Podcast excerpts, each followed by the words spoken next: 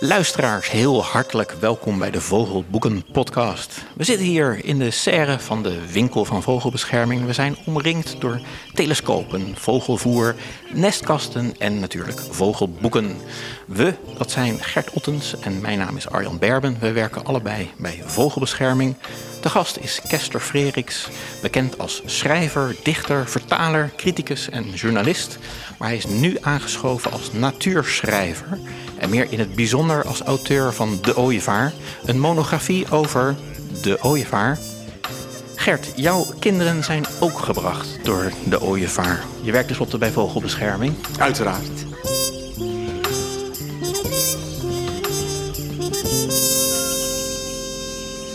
De Vogelboeken Podcast. Een podcast van Vogelbescherming Nederland. Kester, welkom bij ons in de Vogelboeken podcast. We vragen het aan elke gast. Welke vogel nam jij bewust waar op weg naar deze winkel van vogelbescherming? Uh, torenvalk. Vier jonge torenvalken. In een nestkast uh, bij Zutphen in de IJsselvallei. Prachtige jonge diertjes. Echt schitterend. Ja, dat ziet er altijd zo mooi uit als ze allemaal op een rijtje zitten. Op een rijtje en dan valt het licht door die wat, nog wat transparante vleugels. Eerste vliegoefeningen. Beetje onwennig, maar heel mooi. En de ouders hoorden je op de achtergrond uh, kabaal maken. Maar je zag ze niet. Ja, dat zijn van die heerlijke vogelmomenten ja, uh, om uh, mee te maken. Goed. Ja, ik werd heel gelukkig van, die torenvalken. Hoe ben je ertoe gekomen om een monografie over de ooievaar te schrijven? Ja, dat is een, een mooie vraag na een monografie over de slechtvalk dacht ik, de ooievaar lijkt me interessant. En dat komt omdat uh, we een huisje hebben in Friesland, in de Rottige Meente. Een uitloper in Friesland van de Weerribben. En daar hadden we uh, wilgenbomen, die moesten gekandelaberd worden, omdat ze te hoog en te gevaarlijk werden. En nauwelijks waren ze gekandelaberd of er kwam een uh, ooievaarsmannetje aanzetten en die begon daar op die afgezaagde stam een nest te bouwen. Nou, dat ging natuurlijk helemaal niet. Die takken je eraf. Maar ging onverdroten door, kwam een vrouwtje langs zeilen. Niks aan de hand. Had ze geen zin in om daar haar eieren te leggen op, dat, uh, op die drie takjes. En vervolgens hebben we daar zo'n uh, wagenwiel op laten takelen. Door een bevriende bomenman. Een wagenwiel of een nest gekocht bij de lokkerij. Buitenstation in, uh, in Meppel, bij Meppel. En meteen was het raak en dan zaten de ooievaars op ons eigen land, zoals het daar heet in Friesland, zaten daar te beroeden. En toen dacht nou ja, als je ze zo dichtbij kunt waarnemen het hele jaar door, of in ieder geval zo goed als het hele jaar door, en zeker het broedseizoen, is natuurlijk een geweldige ja, aanleiding, inspiratiebron uh, om ze daar waar te nemen en dag na dag uh, te volgen. Dus zo is het eigenlijk ontstaan. En toen ik opgroeide in de jaren, volgens te kijken in de jaren 60, 70, waren er geen ooievaars in Nederland. Ik heb nooit in Nederland gezien in die tijd. Pas in Hongarije de eerste want ze waren uitgestorven. Dit jaar, 40 jaar geleden, dus 1983, was er geen wildbroedend paar ooievaars in Nederland. Vandaar dat het nu uitgekomen is 40 jaar na dato. Gert, eh, hoe zit het met jou en de ooievaars eigenlijk? Nou, dat is eigenlijk wel vergelijkbaar met wat, wat, wat Kester net zei. Want ik ben ook opgegroeid, tenminste, nou ja, mijn, mijn vogelcarrière begon ook zeg maar eind jaren 70, begin jaren 80. En toen waren ze inderdaad uh, ja, gewoon zo goed als uitgestorven, uitgestorven in het wild. En ik moet eerlijk zeggen dat ik me mijn eerste ooievaar niet meer zo goed kan herinneren. Maar ik weet wel, uh, nou, ik heb ze, ik heb ze terug zien, zien komen natuurlijk ja. in de loop der jaren. En ik, ik, ik, ik, word nog steeds gewoon heel blij als ik een ooievaar zie. Juist omdat ik nog weet hoe zeldzaam ze waren, ja. zeg maar, vroeger. Ongelooflijk, dus, hè? En er zijn ook, gewoon, ook prachtige vogels natuurlijk ook. Maar dus, ja, de, de ooievaars doen wel echt iets met me. Nog steeds als ik ze, als ik ze zie. Ja, ja nee, dat, dat klopt. Dat klopt. En ja, toen ik begon met vogels kijken, was natuurlijk het waarnemen van de vogel zelf één. Maar ik was ook, ik had de Patterson Vogelgids, uh, onder andere en Zinescanner, maar vooral de Patterson Vogelgids, had die verspreidingskaartjes. Dus ik zat uren te kijken, oh die vogel die broedt dus hier en die vliegt dus naar Zuid-Afrika of naar Noord-Afrika. Oh, dat is een ooievaar dan. Mm -hmm. En andere vogels doen natuurlijk weer andere trekroutes. En daardoor raakte ik eigenlijk heel erg geïnspireerd of gefascineerd van hoe ja, hoe gaat dat met die trekroutes? Hoe doen ze dat? Uh, hoe oriënteren ze zich? Hoe steken ze Middellandse Zee over? Allemaal vragen die ik toen begon te stellen en die ik nu langzaam maar zeker ben gaan beantwoorden door het schrijven. Hoe heb je je boek opgebouwd? Ja, dat was een lastig, uh, lastig punt. Ik dacht, ik volg een soort methode van het vergrootglas. Dus ik neem dat ene nest in Friesland als het uitgangspunt. Want je kunt wel nu wel 1500 broedparen in Nederland. Dus 1500 nesten kun je wel langs gaan karren. Dat heeft natuurlijk geen zin. Maar dan denk je toch, ja, dan moet ik één vogelnest nemen. En dat moet een symbool staan voor min of meer alle andere uh, ooievaarsnesten in Nederland. Dus, en het is het verhaal van ja, toch een soort chronologie van de verdwenen ooievaar, de herintroductie in de jaren 70, 80. Nou, en de hoeveelheden die er nu zijn. Dus die lijn is de grote overspannende lijn. Dus van verdwenen naar terugkeer, zo zou je het heel eenvoudig kunnen noemen. En vervolgens uh, heb ik er eh, de seizoenen ingevlochten. Dus uh, drie keer de vier seizoenen.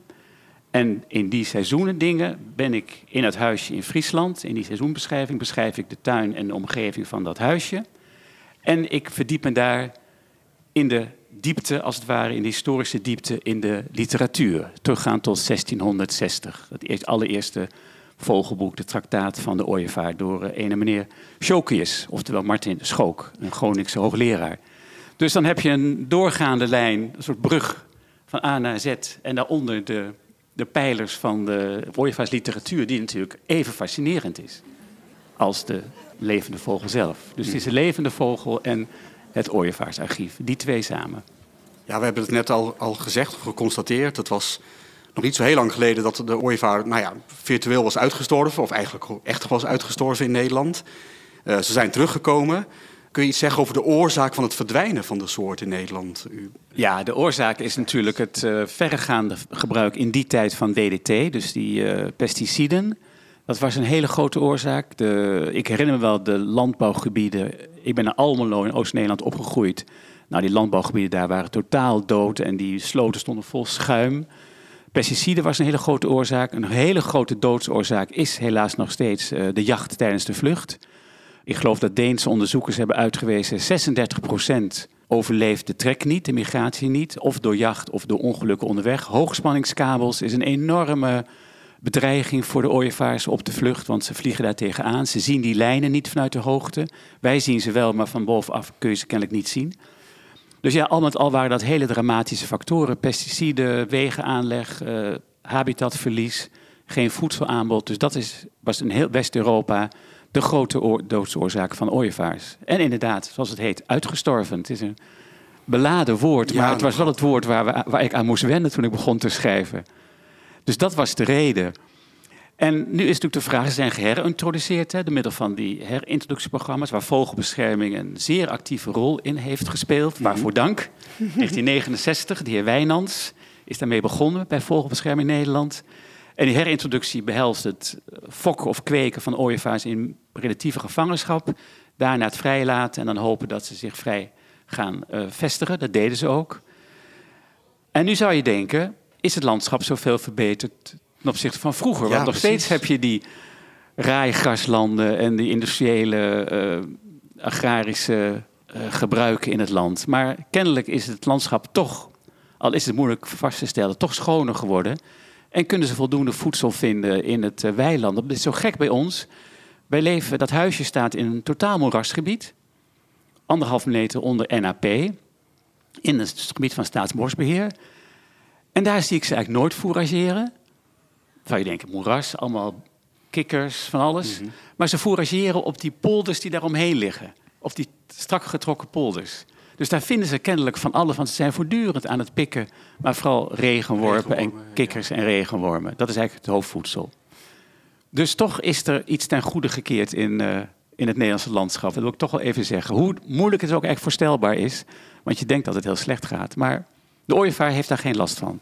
Ooievaars zijn natuurlijk ook, ook wel ja, cultuurvolgers. cultuurvolgers ja. Dus misschien hebben ze zich ook wel leren aanpassen. Het zijn natuurlijk uh, generalisten. Ze eten eigenlijk alles wat ze kunnen vinden. En vooral uh, kunnen ze kennelijk toch nog in dat landschap heel goed uh, aan voedsel komen. Maar het is natuurlijk een cultuurvolger.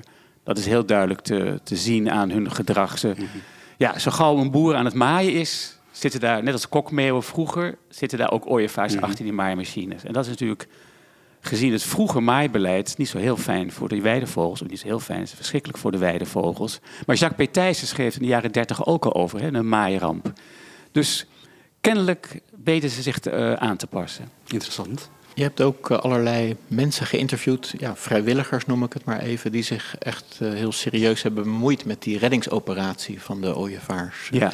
Uh, wat, wat viel je op aan deze vrijwilligers die zich zo inzetten ja, voor deze dat soort? Is, dat waren twaalf buitenstations in Nederland, verspreid over Overijssel, Friesland, Drenthe, Zuid-Holland, Utrecht. Dat waren wel de, zo'n die krant om de IJsselmeer heen was zo'n beetje wel de bolwerken.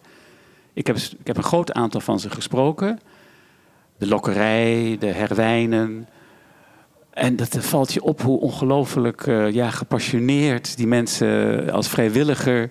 die zetten heel hun leven in voor die ooievaars. Die, die, die jongen die uit het nest vallen, die gaan ze in de keuken voeren.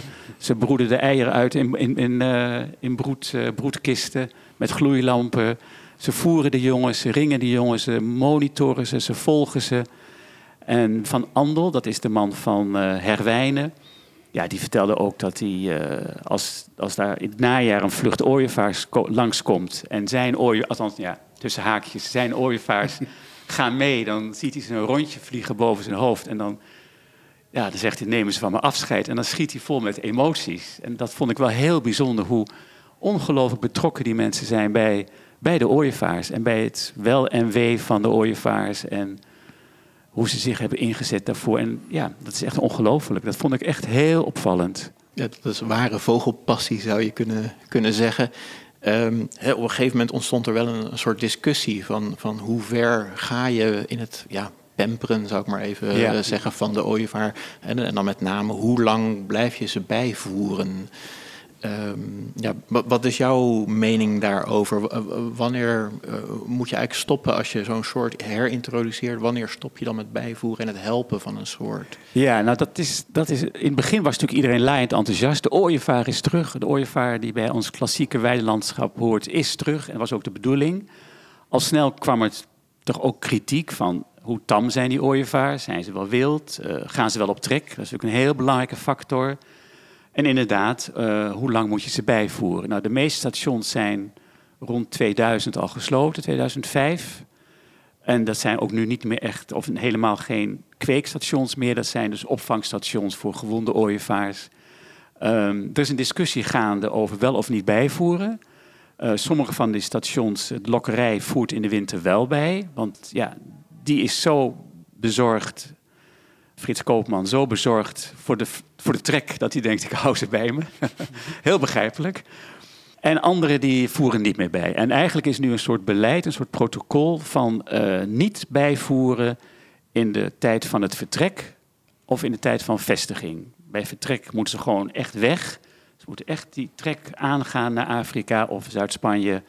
En in de vestigingstijd moeten ze zelfstandig uh, leren om voedsel te vinden, ook voor de jongen. Dus uh, het bijvoeren wordt nu eigenlijk heel sterk afgeraden. Alleen uh, ja, als het hele strenge winter is en het is niet anders te doen, zoals bijvoorbeeld uh, de Haagse Vogelbescherming dat doet, dan gebeurt het nog wel, maar dan liefst door de mensen zelf. En niet mensen die een oude pizza of een, uh, of een aan de beesten gaan geven. Dat is niet goed. Of kaas of brood. Dat, dus eigenlijk moet het particuliere, hoe goed bedoeld, niet bijvoeren. Dat is eigenlijk wel de vuistregel nummer één. Maar het aan de vogelbeschermingen in alle steden. En die heb je natuurlijk overal overlaten.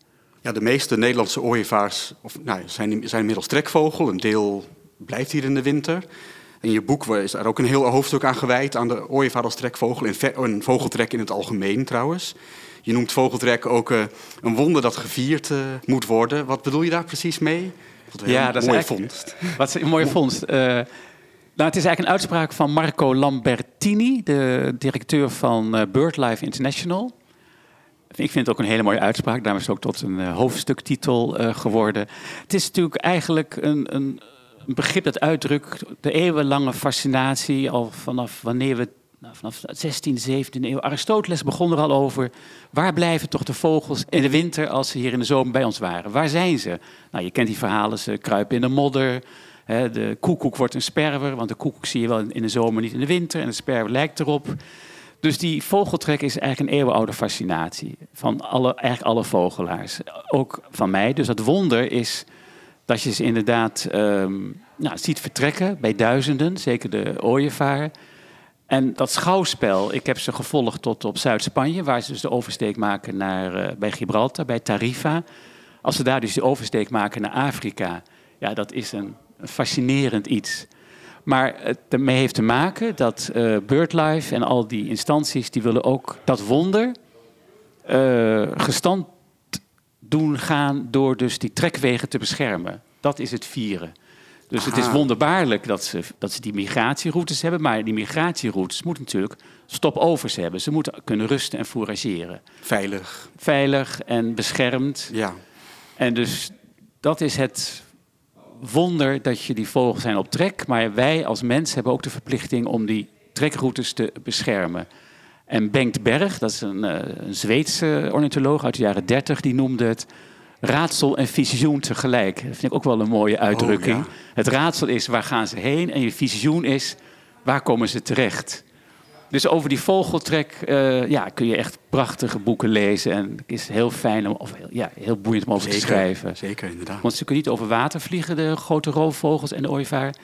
Dus je ziet ze daar bij Tarifa opstijgen op die kale berghengelen, waar de, waar de zon op schijnt. En dan heel erg hoog, met duizenden. En dan Met zie je ze zo, thermiek, ja. Op thermiek gaan ze, thermiekbel gaan ze omhoog, tot een bepaalde hoogte. En dan zie je ze zo in één lange glijvlucht naar Afrika afdalen. 14 kilometer. Roerloze vleugels. Fantastisch. Ja, dat is Ja. fantastisch. Ja. En dan komen ze in Afrika aan en dan gaan ze daar weer de hoogte in. En zo kunnen ze eindeloos door zweven zonder een wiekslag gemaakt te hebben. Dat is ook heel bijzonder van de ooievaar. Het is een zweefvogel eigenlijk. Vliegen onze, ja, on- onze Nederlandse trekkende ooievaars ook nog helemaal, helemaal naar Afrika eigenlijk? Of... Dat wordt steeds minder. Dat komt door de klimaatverandering. Ze blijven meer hangen in Zuid-Spanje. En ze blijven in Zuid-Spanje op de vuilnisbelten hangen. Oh, ja. Dat is een bizar beeld. Zie je daar duizenden ooievaars op eh, vuilnisbelten. Eh, en daar fourageren ze en daar vinden ze van alle voedsel. En dan gaan ze ook allemaal broedplekken daar vlakbij innemen. In Nederland kan dat niet meer, want de vuilnisbelten moeten afgesloten zijn. Mhm. Maar daar zijn ze open. Dus de migratie is niet meer echt vaststaand. Wat je altijd las. Hè? Broed in Nederland, overwintert in Afrika. Dat patroon is door omstandigheden, onder andere klimaatverandering, wel veranderd. Dus in dat opzicht eh, gaan ze niet verder dan Zuid-Spanje. Maar ze trekken wel weg. Onze ooievaars trokken altijd wel weg. Alleen ze komen wel eerder terug. Maar zo in de ijzige maanden, als het echt koud is, dan zijn ze echt vertrokken. Dus in dat opzicht zijn ze weer wild te noemen. Ja, precies. Ja, die eh, Spaanse ooievaars die op die vuilnisbelt zitten, die zijn heel mooi gefotografeerd door Jasper Doest. Jasper Doest, ja. ja, ze- ja, het, het is ook wel, ja, hart als vogelaar breekt ook wel een beetje als ze dan zo helemaal grijs en Oh, scharrig ja. zijn. En, en, Ja, het. en dan op een vuilnisbelt komen te leven. Ja. Dat, dat, dat wil je eigenlijk. Nee, en ze lopen daar natuurlijk tussen sardineblikjes. Misschien bezeren ze hun poten daaraan. Maar in Amsterdam, in de overslaghaven in Amsterdam, zaten ze ook vorig jaar hoor, met tientallen tegelijk. Dus daar vinden ze ook van alles. Dus ja, ze zoeken daar hun, hun voedsel. En als ze het eenmaal gevonden hebben, dan, dat is die cultuur volgen die jij het zei. Ja, dan blijven ze die, ze volgen dus die plekken. Het zijn dus toch generalisten. En daar vinden ze voedsel. Ja, en misschien do- door niet meer helemaal naar Afrika te trekken en hun, ja, hun, hun trekroute dus te verkorten, zijn ze misschien ook weer iets, iets veiliger, eerder terug in Nederland misschien. Misschien dat het Dat speelt ook een rol. Eerder terug in Nederland, want er zijn toch ook min of meer overwinterende vogels of dichterbij blijven. Die zijn natuurlijk eerder terug bij de broedplekken, bij de nesten. Nou, dan ben je als mannetje of vrouwtje een mooie nest kwijt. Dus je gaat niet zo ver weg meer. En die Sahara, die groeit noord en zuid aan. Dus die afstand over de Sahara van noord naar zuid, die wordt ook steeds groter. Dus ja, ze hebben zich dat aangepast. Dat geven ze aan elkaar door. Ze, Ja, ze hebben die trek niet meer. Heel interessant. Maar ik moet wel zeggen dat de vogels van de westelijke broedpopulatie... die blijven zo'n beetje onder de Sahara hangen. Maar de broedvogels uit Oost-Europa, die via Israël gaan... Egypte, Isra- Is- Israël-Egypte... die trekken wel door de Riftvallei verder door naar Zuid-Afrika. Oh, oké. Dat zijn, dus die andere route die stopt zo'n beetje eh, bij Burkina Faso en die hoek. Onder Mauritanië. Ja, Daar blijven precies. ze hangen. Dus die gaan Sahel. niet door naar Zuid-Afrika. De Sahelzone. Ja. Ja. ja, dat is op, op- opvallend verschil. Nog even een, uh, gewoon een mededeling uh, tussendoor. Dat is namelijk een mededeling aan alle postbodes van Nederland. Want we hadden het even over wat ooievaars allemaal denken dat uh, eten is. Nou, ze denken ook dat die elastieken die postbodes om hun brieven en pakketjes doen, dat dat wormen zijn. Of in ieder geval, ze zien het als eten aan. Mensen, gooi niet je elastiek op straat. Zie je ergens een elastiek op straat liggen, haal hem er vandaan. Want uh, als dat in de maag van een ooievaar terechtkomt, dan kan het zomaar ook weer voedsel voor uh, jonge ooievaars uh, zijn. En dat is echt levensbedreigend. Ja, klopt. Ja, ja even terug naar waar we gebleven waren. De trek en hoeveel ooievaars ook we nu in Nederland hebben. Je noemde net ook al het getal van 1500 broedparen. Nou, het gaat eigenlijk hartstikke goed met die soort. Wij zijn bij Vogelbescherming hartstikke blij ook met, uh, met de ooievaar. Dat is voor ons een soort paradepaardje bijna, van, wordt vaak genoemd. Hè, net als de kerkuil. Nou, daar heeft onze organisatie mooi aan bijgedragen om die soort uh, te redden. Maar nu horen we her en der stemmen opgaan die zeggen... het begint een plaag te worden. Ja. Er zijn er te veel. En dat horen we dan met name uit de hoek van de weidevogelbeschermers. Uh, is dat ook in jouw boek terechtgekomen, deze discussie? Ja, want dat is een discussie die uh, natuurlijk meteen uh, op geld doet... zo gauw je zegt dat je een boek over de ooievaar schrijft. Ten eerste wordt er al...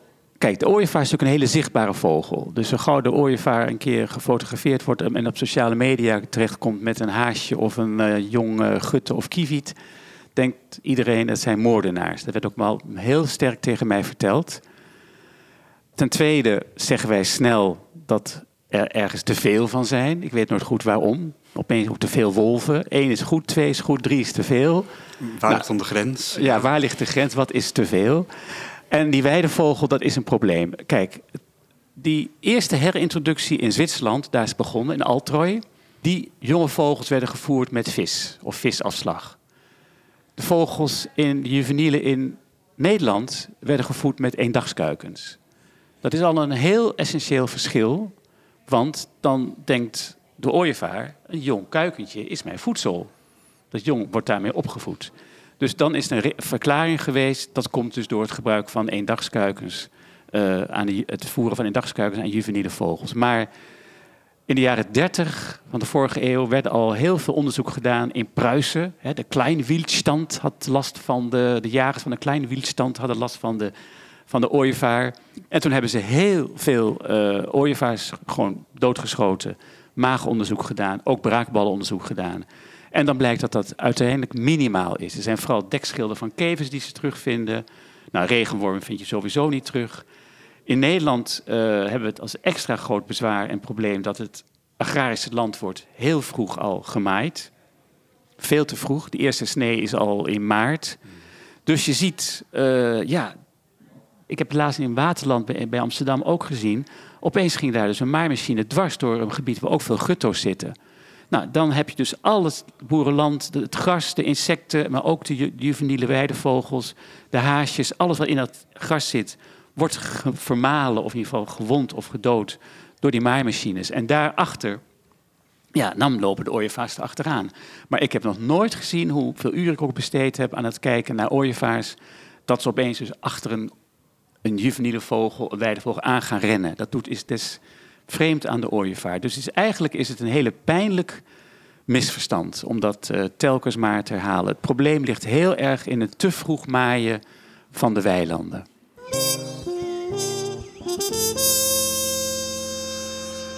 Het favoriete vogelboek. Kester, neem ons eens mee naar jouw vogelboekenkast. Ik uh, stel me zo voor dat die rijk gevuld is. En wat is dan daarin jouw favoriete vogelboek? Uh, de Slechtvalk van J.A. Baker.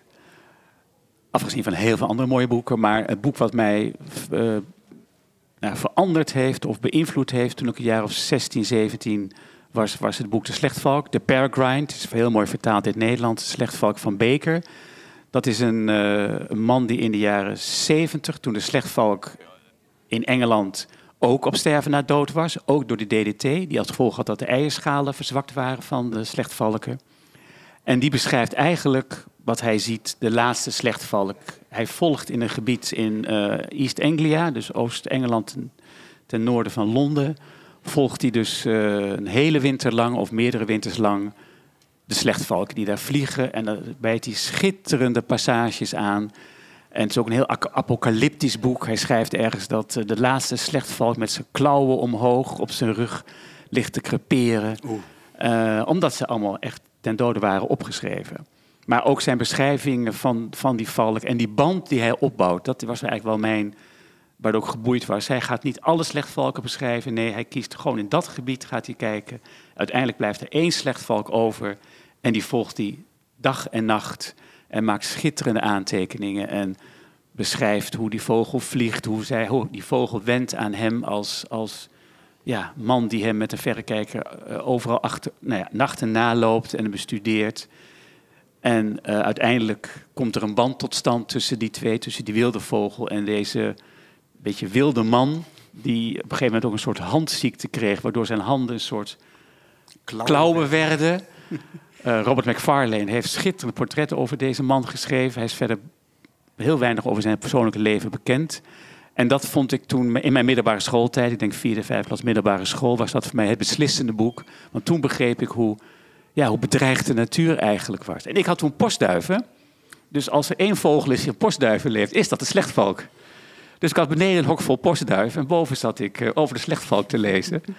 En toen begreep ik ook uh, hoe dat zat met die eieren en de kalk. En toen kwam eigenlijk alles kwam samen. Ook predator en gepredeerde. En, en ik las duivenboeken.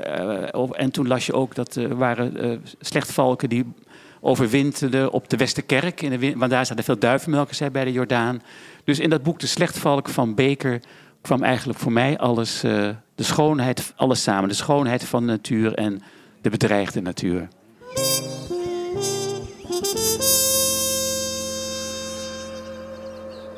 Op het nachtkastje. Gert, welk vogelboek heb jij nu op je nachtkastje liggen? Um, op dit moment lees ik een boek van um, een zekere Gary Bagnell. Het heet uh, Twitching by Numbers. Um, twitchen, dat is dus eigenlijk, zou je kunnen zeggen, soorten jagen. Dus ja, de mensen die zoveel mogelijk soorten willen zien, een, een lijstje willen spekken met allerlei zeldzaamheden. En deze meneer Bagnell die schrijft dus in het Engels weliswaar uh, ja, zij zijn zijn, zijn, zijn Twitchers-carrière van de afgelopen twintig jaar. En dat hij dus op ieder moment van de dag zomaar alles uit zijn handen laat vallen. En meteen, nou ja, als een kip zonder kop, naar welk deel van, van Groot-Brittannië in dit geval dan ook uh, vertrekt om dan die vogel uiteindelijk te zien. Of ook niet, want dat gebeurt natuurlijk ook vaak. Uh, hij woont in de buurt van Londen, maar goed, er zijn een paar hele, hele geïsoleerde eilanden rond Schotland bijvoorbeeld, waar hij dan toch probeert met, met vliegtuigen en boten terecht, zo gauw mogelijk terecht te komen. Dus die hele hectiek van dat twitchen, dat, dat, dat wordt op een hele leuke manier beschreven. Het zal misschien niet ieders cup of tea zijn, denk ik. Voor de, voor, maar ik, ja, ik ben zelf ook niet vies van een twitchje op zijn tijd. Dus ik vond het ook wel heel leuk om het, nou ja, om dat, dat Britse perspectief en met de nodige Britse humor, zeg maar, daarover te lezen. Dus ik, ik heb het nog niet uit, maar ik vind het wel een, uh, ja, het is wel echt een bijzonder, bijzonder leuk boek. Nog één keer de titel. Twitching by Numbers van Gary Bagnell. Kester, ben jij een twitcher eigenlijk? um, nou, daar in de kast staat het nieuwe Vogels kijken. Wat heel erg over het onderwerp gaat. Een boek van jouw hand? Een boek van mijn hand, naar Vogels kijken, het nieuwe Vogels kijken. Dat gaat inderdaad over, uh, over soorten jagen, over twitchen. Ik ben niet echt een Twitcher in die zin. Ik heb niet zo'n app waardoor ik meteen uh, ergens heen vlieg. Ik heb het natuurlijk wel een paar keer gedaan. Toen de sneeuwuil zat op Texel. Oh, ja, en dan kom je de Amsterdamse vogelaars tegen. En dan kijk je elkaar toch al een beetje zo besmuikt aan van... oh, jij ook hier? dat is toch gek, hè? Dat vond ik heel vreemd. Die giervalk in de Nederland was, heb ik ook wel gezien. Uh, ik heb die vogel gezien, die lijster die in Hoog, uh, Hoogwoud zat. Uh, Roodkeelnachtegaal. Roodkeelnachtegaal. Nou, daar sta je dus inderdaad met honderden in de rij. Zelfs mensen die via Zwitserland even naar Amerika moesten, ondertussen even in Amsterdam zijn geland om erheen te gaan. Dus ja, dat vond ik wel een gek aspect van het twitchen. Um, ik begrijp het heel goed, je wilt toch verzamelen. Maar ik vind het toch mooier om in mijn eentje eigenlijk een vogel waar te nemen. En ik vraag me ook wel af in hoeverre dat twitchen ook toch een soort ecologische footprint achterlaat als je inderdaad uh, met vliegtuigen over achterna reist. Maar het zien van een nieuwe soort. Ik heb laatst voor het eerst de middelste bonte specht gezien mm. bij de oude bossen in Lochem. Met iemand die dat, die dat gebied kent en die kon ze ook aanwijzen. Ja, dat vond ik wel weer sensationeel. Dus dat is ook een vorm van twitchen. Maar Een hele gematigde vorm. Terug naar de ooievaar zou ik zeggen. Ja, in jouw boek beschrijf je niet alleen ontmoetingen met kenners, eh, je eigen belevenissen met jouw eigen ooievaar op je eigen erf. Maar je, ja, je noemde het in het begin van het gesprek ook al, je duikt ook die ooievaar literatuur in. Ja. En zou je ons kunnen verblijden met een mooie vondst van wat je gevonden hebt daarin? Ja, nou de mooiste vondst eh, is eigenlijk wel dat, zoals Nederlandse vogelen, maar ook dat boek van die, de Tractatus Ciconia van die Martinus Schokius, Martin Schook, de ooievaar, hoeveel die mensen al wisten of weten. Ik dacht op een gegeven moment, uh, anno 2022, weet, weet ik dingen die, die mensen ook al lang weten. Dus Nederlandse vogelen, die anderhalf bladzijde over de ooievaar, dat is eigenlijk al, alles staat er eigenlijk in. En dan heb je nog het jachtbedrijf, uh, uit 14 zoveel, waarin ook de ooievaar genoemd wordt. Een geweldig goed boek, wat ik ook bij de Valkenboek heb gebruikt. Dus mijn verbazing allereerst was dat mensen vroeger ongelooflijk veel wisten. Op andere manier natuurlijk aan, dat, aan die kennis gekomen door het verzamelen, oftewel het jagen, het afschieten, wat Audubon trouwens ook deed. Dus dat was gewoon, want die wereld zat zo chockvol vogels. Dat maakte niet uit. Maar dan nog, zij stelden zich vragen. Hè? Waar gaan de vogels heen? Wat is, wat is hun verblijf in de winter? Dus door de vragen stellen probeerden ze antwoorden te formuleren. En dat vond ik eigenlijk een hele mooie methode. En um, ja, een van de mooie de of gruwelijke details is dat in 1822 was er een uh, jachtopziener in uh, Mecklenburg voor Pommeren. En die schoot een ooievaar neer. En die had een pijl in zijn nek. Oh ja. De zogenaamde sperenooievaar uh, of pijlooievaar. En dat beest had dus vanuit Afrika, was hij een paar duizend kilometer noordwaarts gevlogen. Met die pijl door zijn nek. Toen bleken er meer van dat soort vondsten geweest te zijn. En toen wist een, een, een antropoloog, wist die pijl ongeveer te duiden bij Afrikaanse volken. Indisch, Indisch mensen werden die genoemd. Ja, in Centraal-Afrika. En toen kwam een gedachte van, hé, hey, dat zegt iets over vogeltrek. Ze gingen erover nadenken. Hoe komt die vogel aan die pijl? En waar komt hij vandaan? En dus dan is die kennelijk in de winter in dat gebied gebleven. Nou, en toen kwam langzaam de gedachte dat de ooievaars, dus uh, de West-Europese ooievaars, in Afrika uh, overwinteren. Dus dat was weer een stap verder in de, in de wijsheid, in de ontdekking van het geheim van de vogeltrek. Dus dat vind ik hele interessante uh, ontdekkingen, die allemaal zijn vastgelegd. En er was nog een andere wereldreiziger, en die zat ergens, ergens ook in de Sahara. En die zag ook een ooievaar overvliegen. En die dacht ook, hé, hey, hoe kan dat? En Bellon, een hele beroemde Franse 17e-eeuwse uh, natuurwetenschapper... die stuurde allemaal brieven naar zeelui. Of die liet zich brieven sturen van zeelieden. En die zeiden die zeelieden, ja, we hebben slagordes. Hè, zo praten ze vroeger. Slag, slag, slagordes en eskaders. Heel militaire terminologie eigenlijk. Slagordes en eskaders ooievaars zien vliegen. daar en daar boven die en die wateren. Dus die mensen verzamelden alle materiaal uit, uit de hele wereld om maar aan hun informatie te komen. En dat vond ik ook heel bijzonder, dat de zeelieden, schippers inzetten om dus aan hun kennis te, te komen. Ja, ik, ik, vond het zelf wel bijzonder om te lezen dat er, dat er zelfs al in Nederland ooievaars werden geringd voordat überhaupt, uh, wie was het, geloof die Deen Christensen daarmee ja. begon. Mortensen. Ja, of sorry, Mortensen. Dat is een Deen, ja. Ja, ja. Dat, dat, ja, dat was in 1834 al, dat er in Nederland dus ooievaars werden geringd. Weliswaar met een... Om, om, een halsring, een hals, ja. geloof ik. Ja, ja. En dat levert ook al meteen iets op. Dus ik, dat vond ik wel echt een bijzonder, heel bijzonder om te lezen.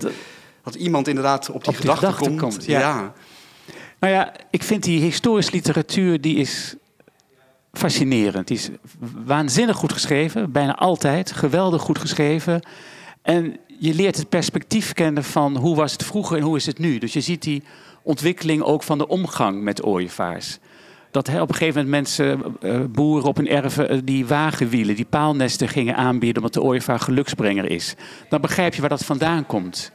En dat vind ik zo heel boeiend aan die historische literatuur. Er is al heel lang heel veel over al onze vogels nagedacht. Ook over de vuurgoudhaan, ook over de huismus. Echt. Nederlandse vogel is daar natuurlijk het fantastische voorbeeld van. Maar ook, ook kennen staan mooie dingen in, al die boeken. En dat geeft je een perspectief op de ontwikkeling. En dat de vogel is niet een geïsoleerd iets. Het staat in dienst van, nou, zeker de ooievaar van cultuur, maar ook van landschapsontwikkeling. Nu is de ooievaar natuurlijk weer een symbool voor klimaatverandering. Dus je ziet aan de historische literatuur het perspectief waarin je vogel nu kunt plaatsen. En misschien heb je daar iets aan voor, voor de toekomst. Om te kijken hoe die vogel in de toekomst uh, gaat ja, vergaan. Dankjewel, Kester Freriks. Dankjewel voor dit gesprek. Dank jullie wel, Arjen en Gert. Bedankt. Dank jullie ook, beste vogelboekenliefhebbers die aan de andere kant ergens in het heelal aan het luisteren zijn naar eh, onze Vogelboeken podcast. Deze zomer worden we net als de vogels eh, een beetje stiller. Maar in oktober gaan we weer verder met de Vogelboeken podcast. Dus je hebt nu naar de seizoensfinale geluisterd.